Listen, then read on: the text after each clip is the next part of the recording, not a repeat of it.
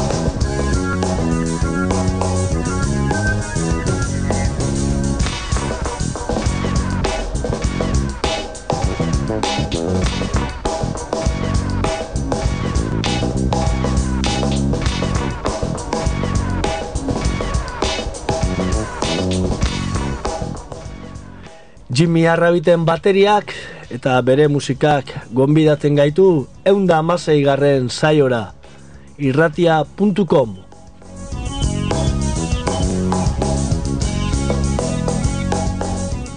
Bask, elektronik diasporako azken lana izan zen hau, azken bilduma eta diasporan jarraiten dute musikariek behar bada. Gu Jimmy Arrabiten irratibana entzuten dugu astero-astero.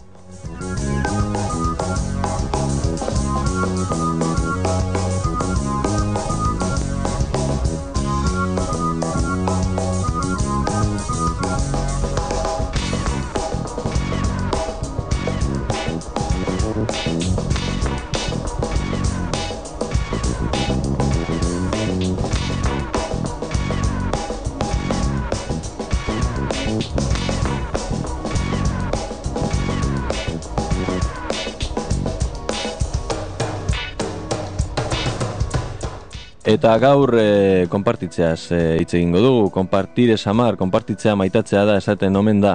Ba, bueno, interneten e, hori asko frogatu da, ez da, honezkero, ba, xuxen eta xuxentasunaz eta konpartitzeaz eta libre egiteaz hitz egingo dugu, eta udaz.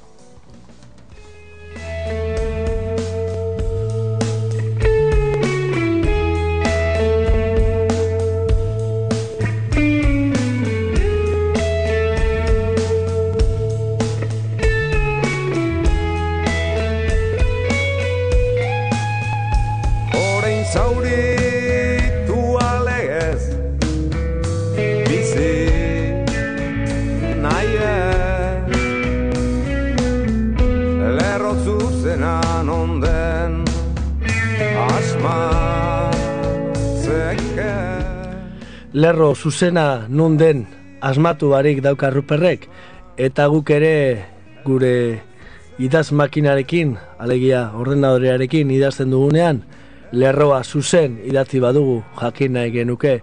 Eta horretarako aspaldi isa taldekuek zuzen, zuzentzaile ortografikoa asmatu zuten, eta orain zuzen hori libre daukagu.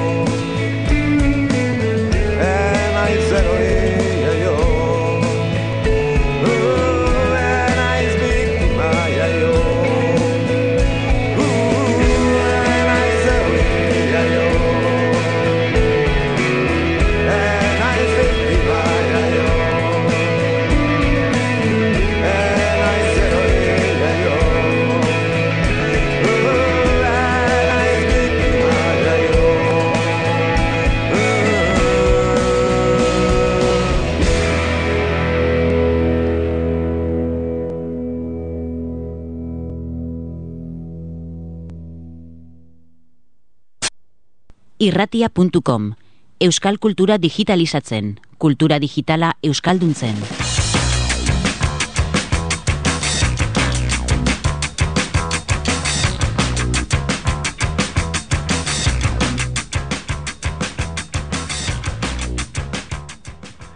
Eta zabaldu.comen irakurtzen dugu Euskal Geneuko albiste bat.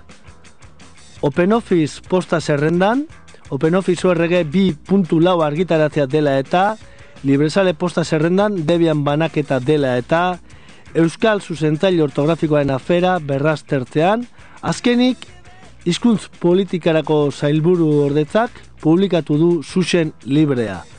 Honek, programa libre guztietan Euskal zuzentaile ortografiko integratzea albidetuko du. GNU Linux, OpenOffice, eskerrik beroena garatzailei, liberatzailei, libre izaeraren garrantzia zabaldu dutenei, eta euskera informatikaren munduan atzera gera ez dadin lanean ari diren guztiei. Eta zabaldu.comek ba, berrogei zabaltze eukizituen albiste honek, zuzen, zuzentzaile ortografikoa libre.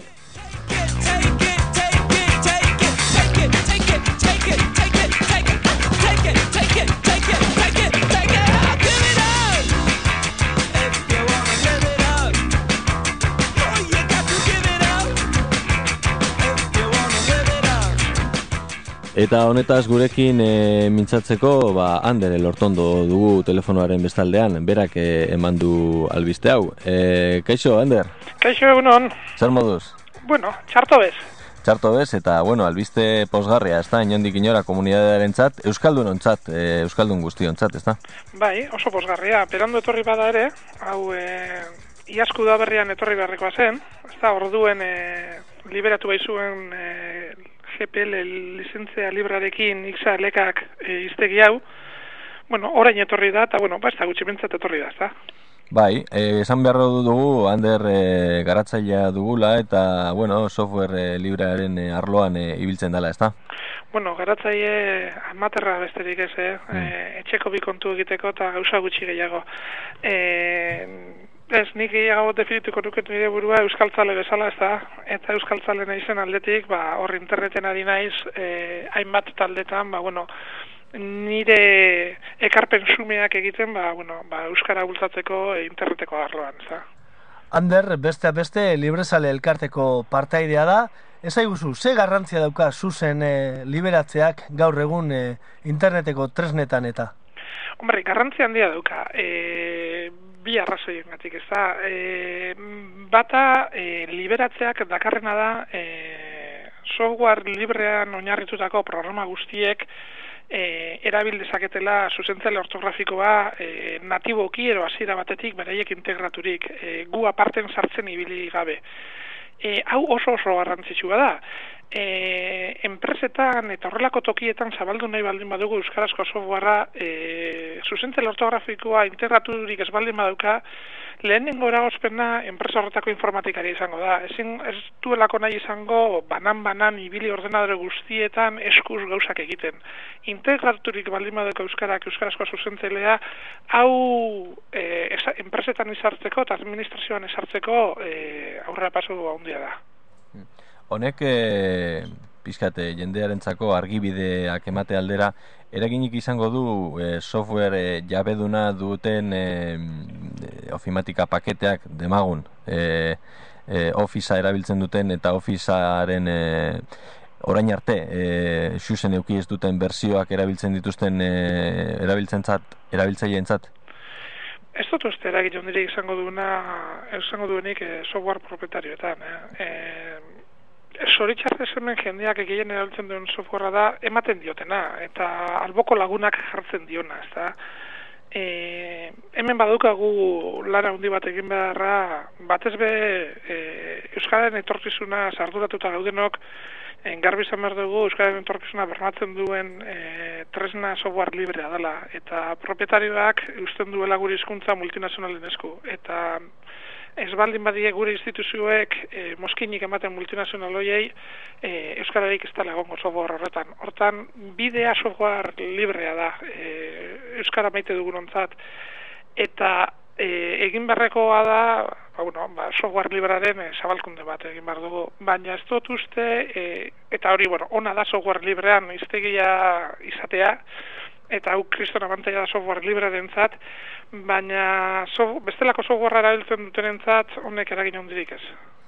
Eta alde horretatik, software libre eta euskeraketak direla eta, zen moduz dago panorama, librezale elkarte aspaldiko urteetan e, horretan ari da, eta zelan ikusten da e, softwarearen e, panorama euskeraketei dagokionez?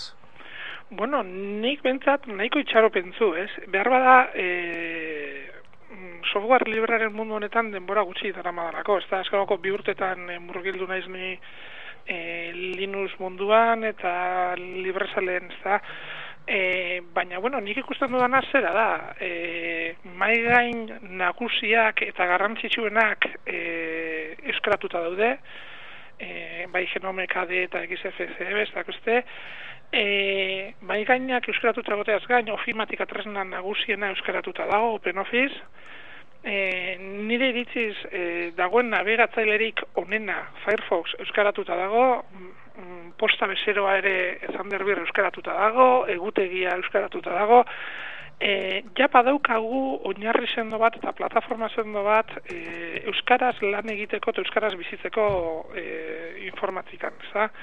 Eta hori oso garrantzitsua da, ja ez da satika dagoen gozaren bat, edo atal batzuk bai beste batzuk ez, nik uste e, badagoela ja nahikoa kalitatezko e, software ona e, euskaratua eta euskaraz e, funtzionatu al dezakegu lasaitasun asko ez, ba, ez bakarrik guk etxean eh? enpresetarako ere e, nik uste ja e, oinarri sendoak finkatzen ari garela Hmm, esan beharra dago, lehenagotik ere Firefoxekin, e, Firefoxen integratu zitekeela, e, Xusenen e, e, iztegi bat edo nola, nola da e, zehaztuko dugu hau pizkat e, zer, zer da zehazki Firefoxen edapen moduan e, integratzen dena eta zergaitik egin ziteken lehenagotik eta eragin o, eragingo ote dion orain liberatze honek? Bueno, eh, ni ez naiz jurista eta ni lizentza kontuekin bada nahiko nahazten naiz. Eh, hemen dagoen eh, aldea da eh, e, lizentzia batzuk ez dute onartzen e, lizentzia ezberdineko e, bestelako ekarpenik. Eta beste lizentzia batzuk bai onartzen dute. E, orain arte zuzentzele ortografikoa Creative Commons CC lizentzia batekin e, publikatua zegoen eta horri aipamena eginda e, erabiltzea bazegoen. E, badirudi e, Mozillaren lizentzia, eta ura guztak nola den MPL horrelako lizentziaren bada, e, ezaukan eragozpenik e, lizentzia horiekin funtzionatzeko. Baina e, Open Officeek eta Linuxek daukaten lizentziekin e, esen bateragarria CC lizentzia hori. Hau guzti hau e, nazpila juridiko bada, eh? e, ni galdu egiten izan abentzat eta oso garrantzun dikua da e, lizentzia hori aldatzea, e, Creative Commons edo CC hori horretatik GPL batera pasatzea, e, GPL horrek, ba, bueno, e, albidetzen duelako, batetik e, beste aplikazio horietan e, erabilializatea, eta berak GPLek suposatzen duena degatik, ez da? Odain, edo narkartu dezak iztegi hori, e, hobetu, garatu, eta e, hobekuntzak egin e, bere izango balitzu esala, ezta? Beti ere e, sortzen den produktu berri hori e, GPL izango delarik eta guztion esko gongo delarik. Ah, dena dela espalditik gabiltza Firefoxen aldeko evangelizazio lan e, honetan eta gogoratu beharko dugu pare bat gauza. Azteko libresale.org webgunetik eskuratu daitekela Firefox eta bestetik, ba, honen aritik, ba, esatea, ba, e, Explorerrek ez bezala, ba, euskeraz e, gauza bat e, idaztean, adibidez formulario batean, ez? Edo posta, web bidezko posta elektroniko mesu batean, e, gauza, gauza bat txarto idatzi baldin badugu, berak e, azpimarratu egingo digula, hori ez dela euskera zuzenean, eta Explorerrek aldiz, ez, ez da? Hori da, e, zuzentzele ortografikoa zuzen e, lizentzia kontuetaz aparte, e, e, publikatute duzen e, formatu hoiek albidetzen dute, ba, bueno, ba, bai e, Thunderbird postak idaztean zuzentzele ortografiko izatea, e, Firefox nabigatzailean edo zen gauza bertan idazten zaudela, bai formulario, bai blog, edo bai e, edo zen iritzi interneten idazten ari zadenean e, ortografiko ortografia zuzendua izatea, eta nik uste, e, bueno, eta beste hainbat arrazio dute Firefox erabiltzeko, eh? nire ustez e, beste maila baten dago, asko ze nabigatzaile hobea da, Explorer baino, baina zoritzarrez jendeak e, klik egiten dio ba, betiko e, urdinari hor daukalako. E, konturatu gabe, libresale.orgen sartu, ero motzilako gubun ofizialean sartu, eta geisterik badaukala Firefox Euskalduna. Aipatzekoa da, e, Mozillaren e, webgune ofiziala ere e, euskaratua dagoela, eta horre ba, libresalekoek e, lan handia egin, egin da dagoela, ba, bueno, hori euskaratzen, eta bueno, e, Firefox eta Mozilla inguruko guztia, ba, bueno, bat euskaraz egoten. Eta aprobetxatuko dugu tarte hau, software librea eta zuzen eta euskeraketak eh, aipatzen ditugula Firefoxi buruz eh, gehiago berba egiteko. Izan be, Firefox Laster e, irugarren bertzioan egongo da, bertzio hori ere uste dute euskeratuta dagoela dagoeneko, ze datu daude gaur egun Firefoxen inguruan, deskarga korokorrean eta euskeraz be, nik uste dut, gero eta kota handiago hartuko duela, ez da, Ander? Bai, e, Firefox okerrez baldi manago, e, bosgarren betan dago, e, espero da, e, ja laizter baten e, kaleratzea, ekainea ustaian e, izango dugu Firefox irua, e, oso itxura kuriosoa dauka, e, ja e, oso garapen aurreratu batean dago, hain aurreratuan dago e, hainbat Linux banaketek Fedora bederatzik, ero Ubuntu sortzi zero lauak, azken urten diren azken e, Linuxeko banaketek ja badakartela Firefox iru, e, defektuz, ja badakitelako ja ona dela, produktua aurrekotik e, bueno, ba, maiatxo bat horrerago dago, e, beste inteligentzia bat adierazten du elbideak aurkitzerakoan, hobeto ordenatuta dauka laster markak, bueno, kurioso, kurioso, kurioso dator, eta, bueno, beste pauso bat aurrera, e, bai kalitatean eta bai erabilitarreztasunean. Zuk zeuk e, probatu duzu... E... Bai, bai, ni bada egilte. Bai. Zer da, e, ez, ez dakit, realiz kandidait edo olako izen bat, olako izenak ipintzen dizkiote atera baino lehen, edo olako... Bai, beta da. Bai, e, E, softwarea guztiz e, atera aurretik e, hiru fase izaten ditu, normalean izanak jartzen dizkiotenak, ez da, lehena alfa, gero beta eta gero release didait, ez da, RC e, alfa izaten da oraindik esperimentatzen ari denean, eta aldaketan handiak izaten dira. Akatsasko dira. izaten dituzte, betak oraindik akatzak izateko aukera handiak izaten dituz, ditu, baina gero, bueno, beta zen lehenengoko beta bat izaten da gero urrengo da biesta, eta horrela aurrera joan ala, ba, bueno, ba, akatza zuzentzen joaten dira, eta aldaketak izaten dira oraindik ere, eta ja, relizken dideit e, ateratzen denean, esan nahi du, ja, aldaketarik e, esaiola egingo, eta azken akatzak zuzentzen ari direla. E, momentu honetan Firefox 3 e, beta bost dago, e, izan dezak aldaketaren bat, baina oso txikia izatekotan, eta ja akatz oso gutxi ditu eta nik erabiltzen dut eta nik behintzat ez diot oraindik akatzei sumatu. Mm Frogarik handiena nabariena Firefox eh, navegatzaile bikaina dela eh, aurki dezakegu Explorer zazpian, ez da? Hainbeste saugarri kopiatu dizkiotelako, ez da?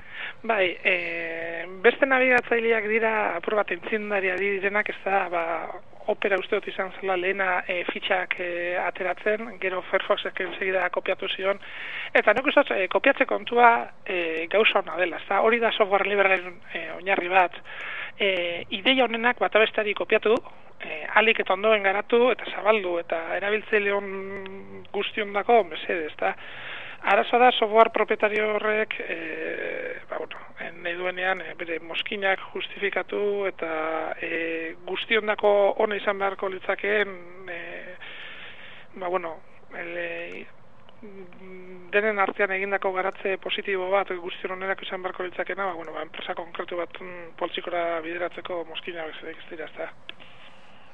Ba, Ander, horretan itxiko dugu, albisteak jaso ditugu zuzenean, xuxen batetik, software librearen egoera orokorrean, eta Firefox 3 badatorrela ere ba, aipatu dugu. Firefox 3 frogateko deia gure entzulei, irratia.com entzuleak asko eta ziurrezki gehienak Firefox erabiltzaileak izango dira, eta beste barik, agur bero bat, eta hurrengo arte, Ander. Venga, ba, horrengo arte, onde bile. Ondo segi, agur. Bai, agur.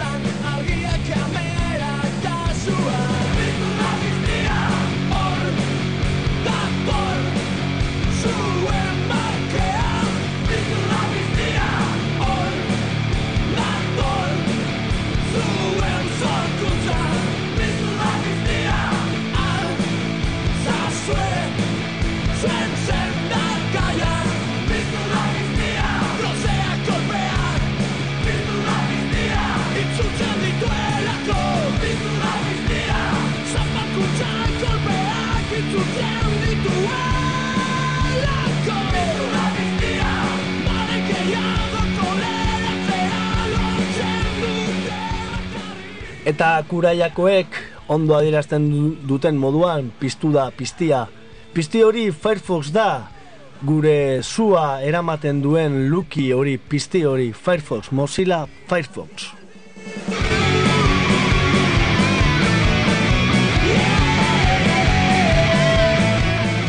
Eta egia esan, Firefoxen gune ofizialean sartzen bagara, euskeraz ere irakurriko ditugu albiste guztiak, etan jakingo dugu milioika deskarga izan dituela azken bertzioak mundu osoan.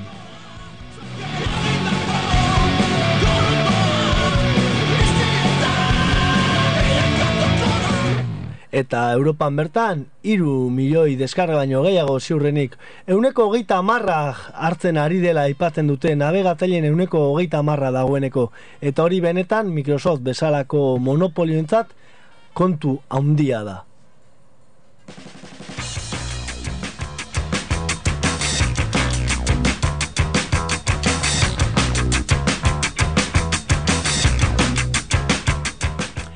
Laster eh, argitarat emango ditugu gure planak Microsoft erosi eta gero liberatzeko planak, baina bitartean eh, barkampe kontzeptuarekin sartuko gara.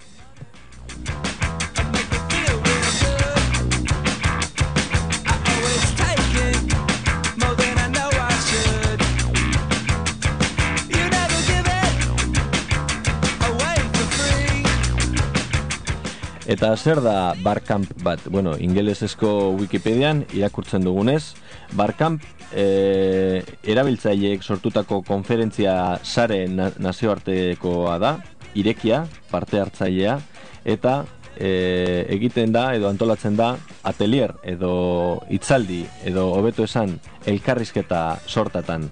Bertan edukia parte hartzaileek eurek prestatzen dute eta maiz ba, i, ba izketagai izaten dire ba, web aplikazioak, e, garatzen nahi diren web aplikazioak eta et, e, open source edo kode irekiko teknologiak, protokolo sozialak eta e, formato irekiko e, formato, data formato irekiak.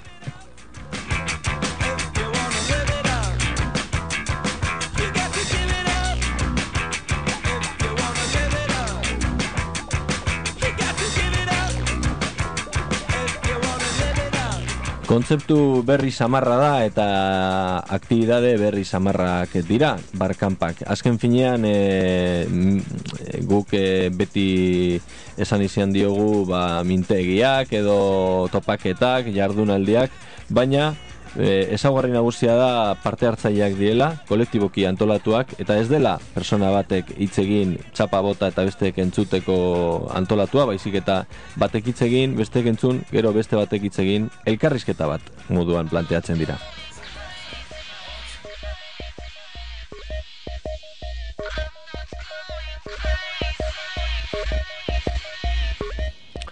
Eta nazioartean gero eta entutetsuagoa diren barkamp hauek, direla software bati lotua, direla bideoei lotuak, direla teknologia konkretu bati mobilei buruz edo beste edozerei buruz e, ikusteko barkamp.org, nazioarteko wiki bat.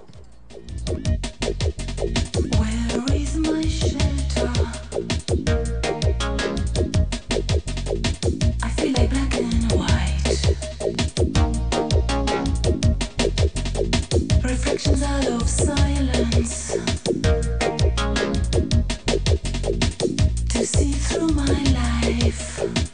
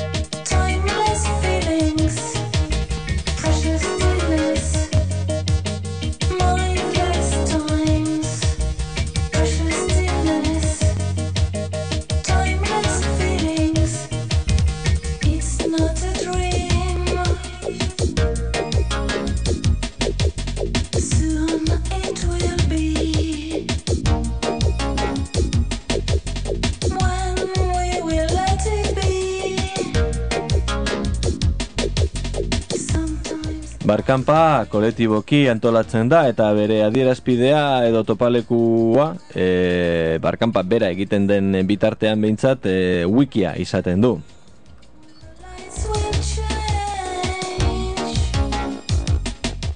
Barkanpe ORG webgunean e, bilduta daude, ba, datozen egunetan, datozen hilabeteotan antolatuta dauden a, egingo diren barkanpe edo topaketak. Eta geografikoki azaltzen dira, kontinenteka lehenengo eta gero herrialdeka. Eta lehen kontinentia nola ez Afrika da. Eta ikusten dugu aprilaren emeretzian Podcamp South Africa burutu zela eta podcampsa.comen eta eskara gasolina sari ba, kamp, barkamp berezi bat Ego Afrikan egin zen eh, Podcamp izeneko hori.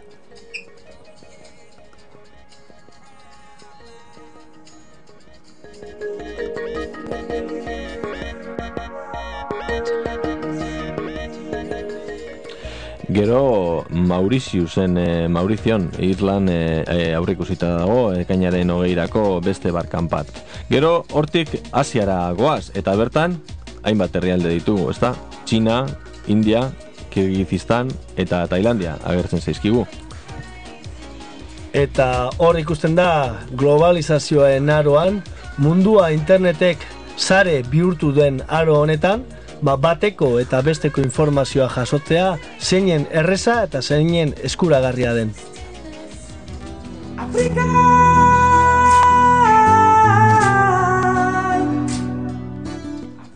Ego Amerika eta Ipar Amerika ditugu ostean. Perun, Liman egingo da barkan bat ekainaren amairuan. Eta Ipar Ameriketan, ba, Kanadan izan dira zenbait, estatu batuetan ere hogeta hiru e, dira guztira, batzuk dagoeneko burutu dira eta beste batzuk etortzear daude.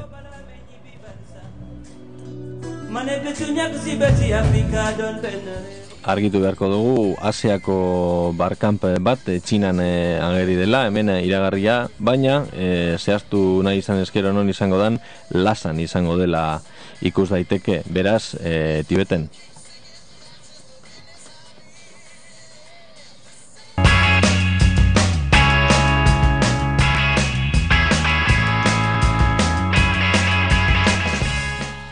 Europan sartzen gara ondoren eta lehenengoak e, Austrian eta Azerbaijanen topatuko ditugu. Maiatzaren hogeta marrean Austrian izango baita topaketa bat eta Azerbaijanen abuztuaren hogeta beratzean. Baina, urrengo herrialde, beste herrialde bat ageri zaigu Europa barruan.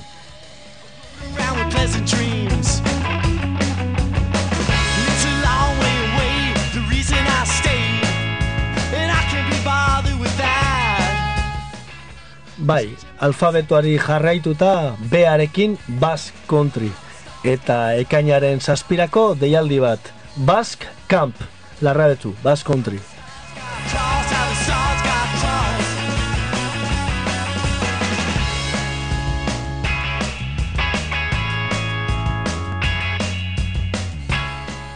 Jarraitu dezakegu Belarusen, Lituanian, edo Belgikan, edo Bulgarian, edo Finlandian, edo Frantzian, edo Georgian, edo Alemanian, edo Italian, edo Netherlands, Holandan, edo Portugalen, edo Errusian, edo Suitzan, edo Turkian, edo United Kingdom, Britania hundian, edo Oceanian, baina Basque Camp horretan geratuko gara une batez.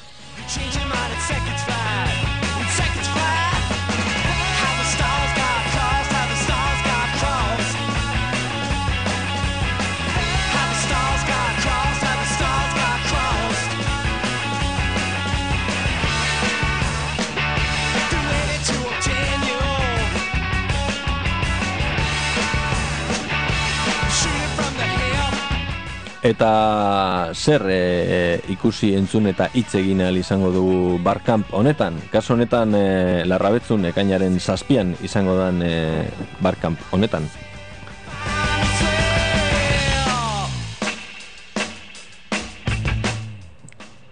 Izenburu moduan jarri dugu euskera sari garenak batzeko barkamp edo bask camp bat izango garela. Eta izan ere hori nahi dugu egin, ez? Gaur egungo egoeraren azterketatxo bat lagun artean, ez? Astean zehar bakoitza berean dabil, ikasten batzuk, teknologia garatzen beste asko, lanean sutzuki, eta aprotxatuko dugu larun bat arratzalde bat, presarik gabe, denbora guztiarekin, nahi duenak losakua ekarri dezala, nahi duenak ekarri dezala martxarako gogoa, eta batuko gara gauza askotaz berba egiteko. Beti ere, euskara, teknologia berriak, softwarea, hau eta beste aipatzeko.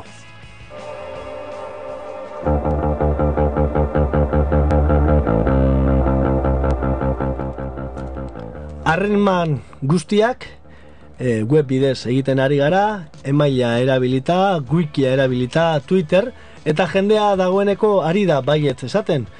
Pres dagoela etortzeko, auto gonbidatzen, eta besteak beste, ba, ba hainbat gauza egin asmo ditugu. Bat, ahotzak.com proiektua ezagutu, eta ia jartzen garen gure auzoetako lagunak grabatzen.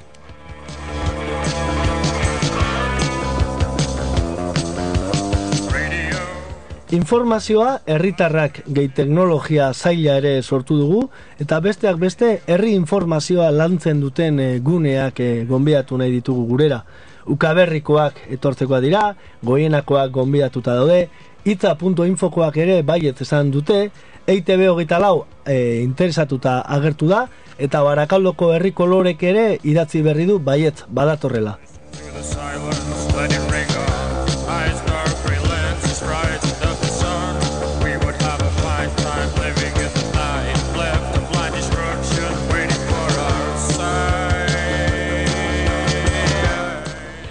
Mapen eta herrien e, mapak eta herriak lotzen dituzten e, lagunak ere konfirmatuta daude. Honezkero, soinumapa.net, ta- takzania.com eta openstreetmap.org. Horri GPS aukera gehituta ez dutuzte inor galduko denik larrabetzura heltzeko.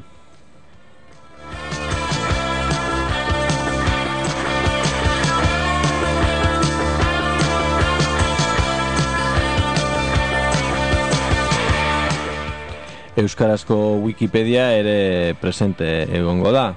Baita Twixer, Masup eh, Azkarrak, larrabetzu.bi.0 noski, hor egongo da presente, eta zu zeu ere, segurazki.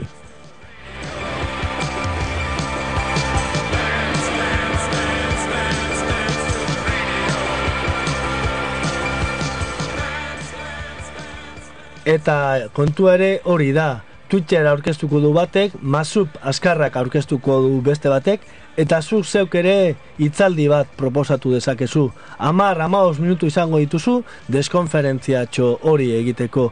Probatu duzun gadget bat, gustoko duzun softwarea, asmatzen ari zaren hori, edo herrian sortu duzuen proiektua, bloga edo dena delakoa. Baskamp honetan horretaz berba egiteko batuko garelako. Ezagutu, elkar ikusi, garatu eta sortu daitezkeen proiektu berriei aukera emateko.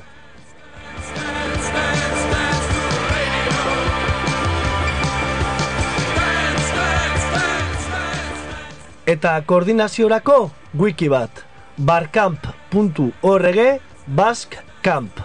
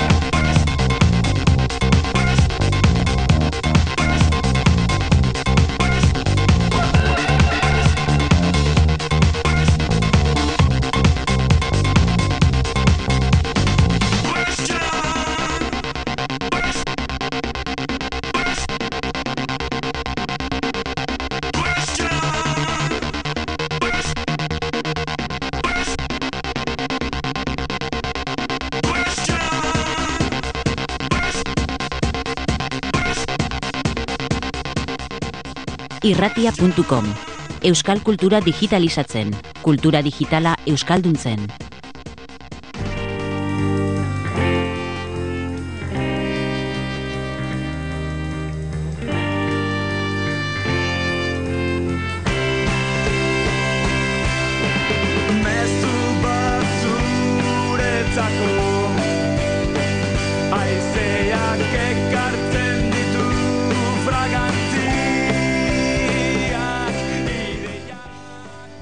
Mezu hau zuretzako da entzule. Zita bat dugulako laister.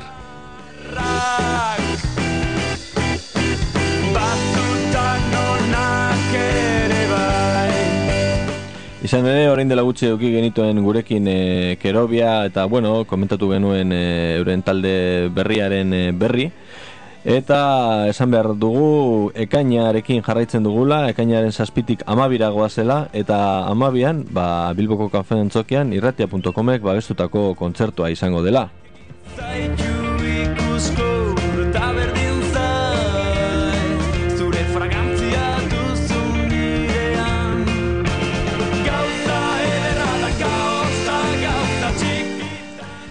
Sekulako bus bat sortzen ari gara sarean. Kerobia aipatzen da hemen eta han. Kerobia aupatzen dugu. Eta kerobia.com sartzea besterik ez duzue ikusteko zenbat jendek idazten duen, parte hartzen duen, bere kantuak hartzen dituen. Gustatu egin zaigu materia organikoa eta beste disku hau. Eta gonbidatu egin ditugu bilbora gure entzulekin batera izan daitezen. Ekainaren amabian, eunda hogei garren programa egin eta biharamunean, gure entzuleak batu gura ditugu kafean tokian. Berba egin, juntatu, datozen ikasturtetarako proposamenak entzun, eta festa eta parranda. Kerobia taldearekin besteak beste.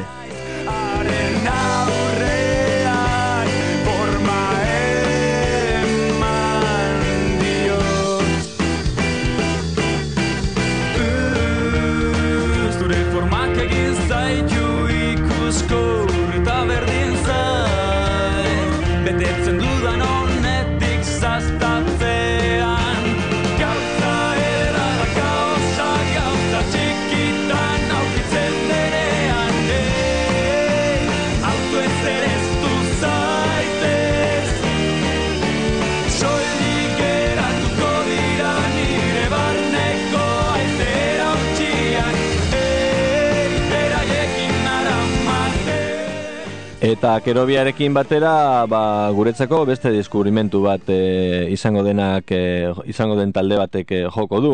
E, eurek e, lauro badira, donostitik datoz, eta dei galdu bat daukate.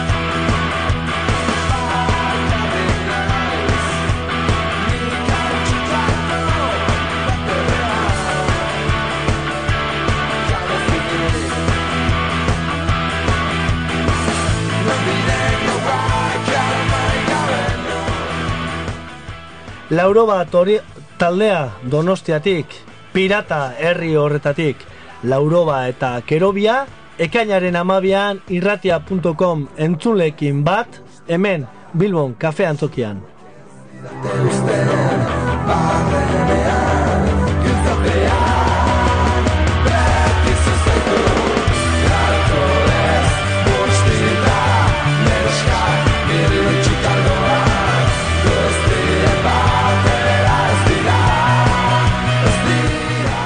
Donostiako pop rock talde e, lehiak eta irabazitakoak dira eta intxaurrondotik e, etorriko zaizkigu.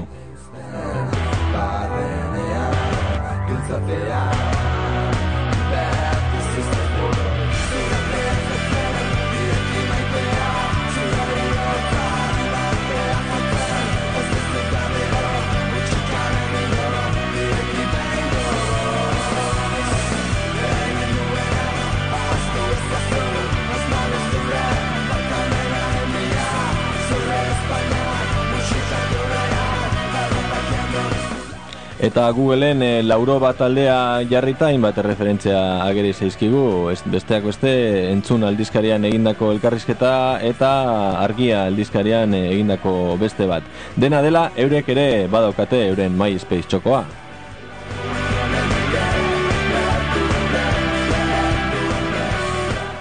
Eta webgunea ere berriztatzen, egokitzen, sortzen ari dela ematen du lauroba.tk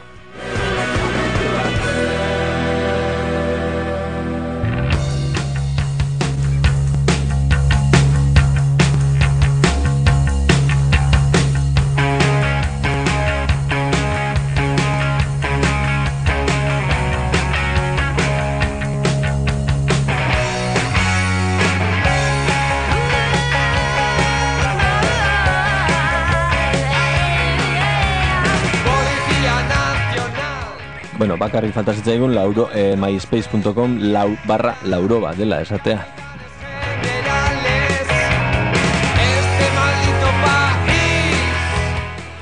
Eta informazio gehiago kontzertuari buruz kafeantzokia.com Ekainak amabi.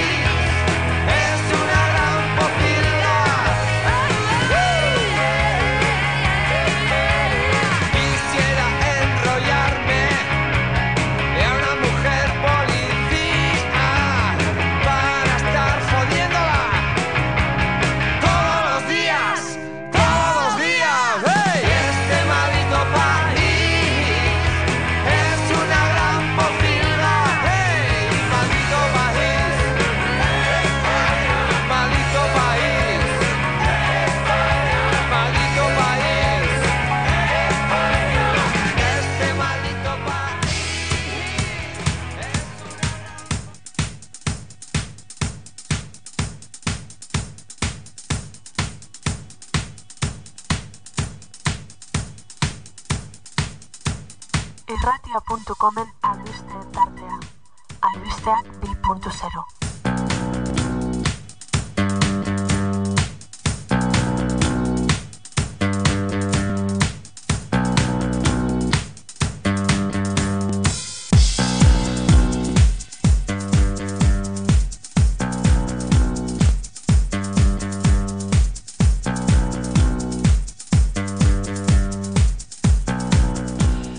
Eta, bueno, ba, Google, e, Google esesik e, guk e, jotzen dugu, askotan zabaldu.comera eta sustatu.comera, e, bueno, iturri bila, albiste iturri bila, eta oraingoan e, aurkitu dugun e, titularra, e, deigarri bezain kontundentea, mekago en la virgen, Xavier Silveirak e, sinatua.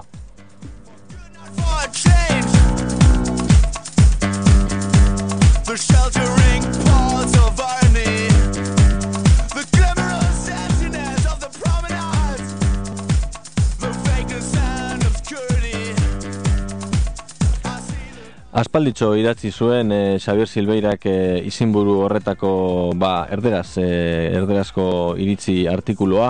Azken finean e, e, horren ostean, e, goiburu, deigarri horren ostean, ba, hainbat aldiz ba, mm, esaten zuela, bueno, sorkuntzasko e, artikulu horretan, ba, bueno, hainbat e, gauzaren aurrean e, bere harridura, bere, bere aserrea eta azaltzen zuela.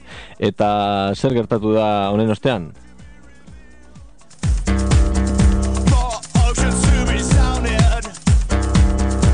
Ba, hainbat eh, denbora pasatu ostean, 2006ko amaieran idatzi baizuen e, iritzi artikulua, ba, ekin bideak zabaldu dituztela, bere kontra.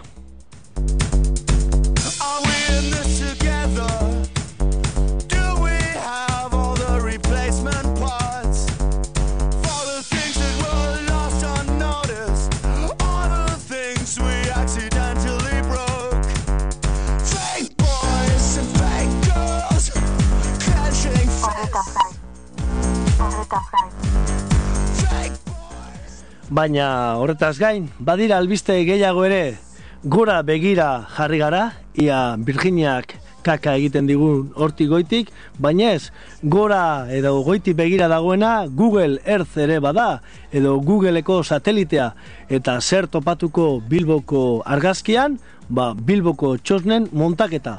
Izan ere, hoiek dira Bilboko egunik ederrenak. Gehiago jakin gura baduzue, zabaldu.com. Aspaldi ere ohartarazi zigun Luistxo Fernandez eh, lagunak eh, Google Earthek eh, em, bere argazkiak hobetu egin dituela edo behintzat ba, bakizue noizean behin eh, beste pasada bat ematen du sateliteak eta eh, ba, gure zerutik ateratako argazki horiek berriztu egiten dituztela. Ba, bueno, ba, azkenekoz Bilbo gainetik behintzat pasatu zirela ba, abustua izan behar zuen eta txosnak montatzen ari ziren. Nahi baduzue ikusi Bilbo, ikusiko duzue, aste nagusiaren bezperan. Clenching fists. Edo nahiago baduzue, zatozte datorren larun, larun batean, maiatzak amazazpi duela, Bilboko errekalde auzora. Izan ere, Euskal Herriko gaztetxe eguna ospatuko bai da, programazioa handia, kontzertuak, eh, malabareak, grafitiak, eh, lehiaketak, azoka, umeentzako kontuak, sorkuntzea maiz, bat sound system, pantxoa eta peio, sorpresa ugari, txikiguneak, kale animazioa, bertolariak, denetari. Informazio gehiago, kukutza.net gunean.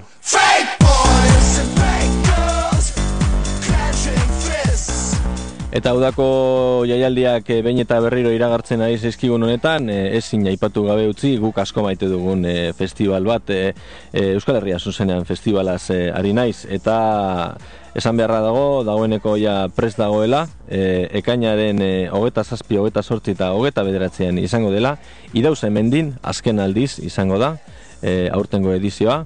Eta hainbat e, artista izango direla, besteak beste, Clawfinger, e, Alamo Racetrack, Ruper Ordorika eta beste hainbat e, elbidea. Eta informazioa bertan E EHZ erdiko gidoia festivala.com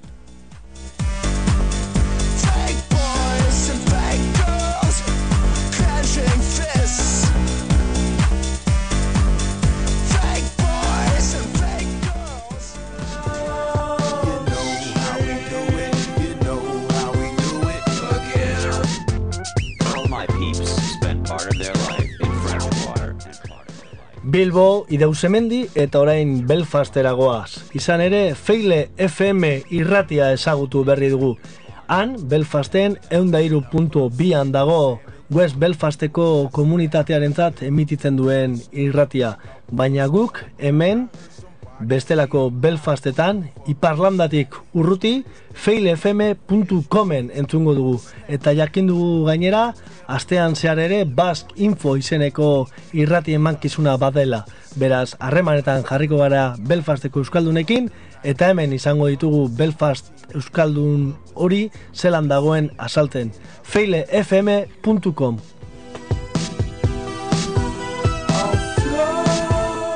Eta entzuten duguna zuzeneko soinua da Belfasteko irratitik datorkiguna. Bertan, listen live, download podcast edo webcam bidez ere jarraitu ditzakezue.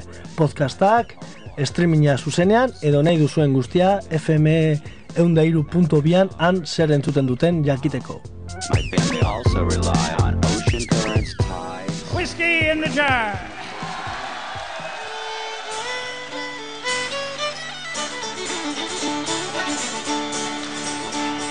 I was going over the five-time Kerry Mountain, I met with Captain Farrell and his money he was counting.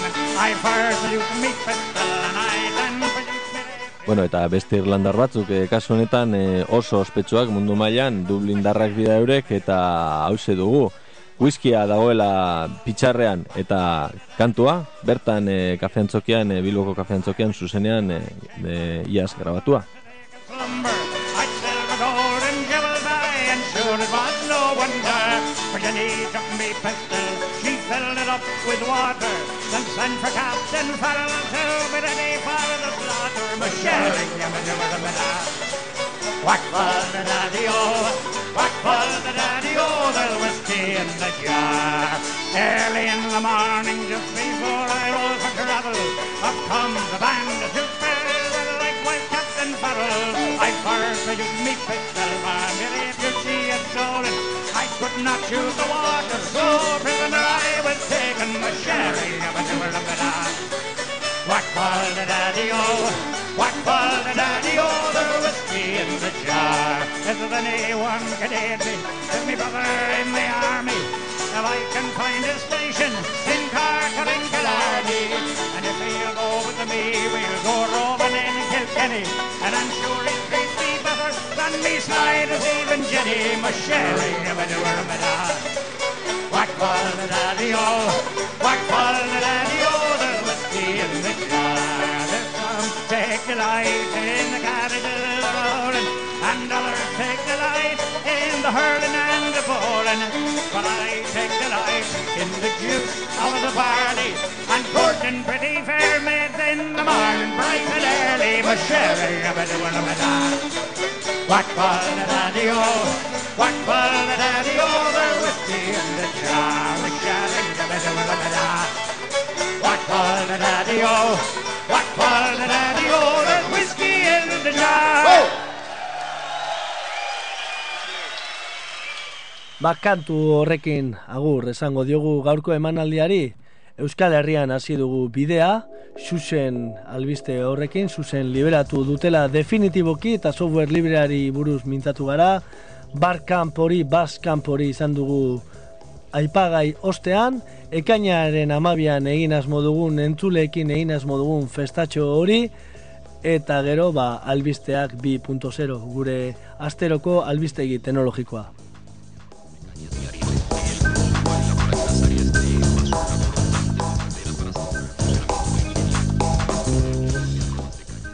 Bilbo iria irratian egiten dugun eunda garren podcasta izan dau eta gozaz dezazuen ba segi eta zerbait esan gura badiguzue badakizue irratia.com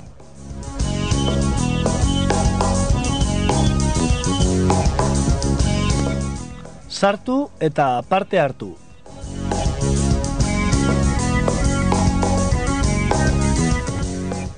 Esan dakoa, datorren aste arte, ondo ibili.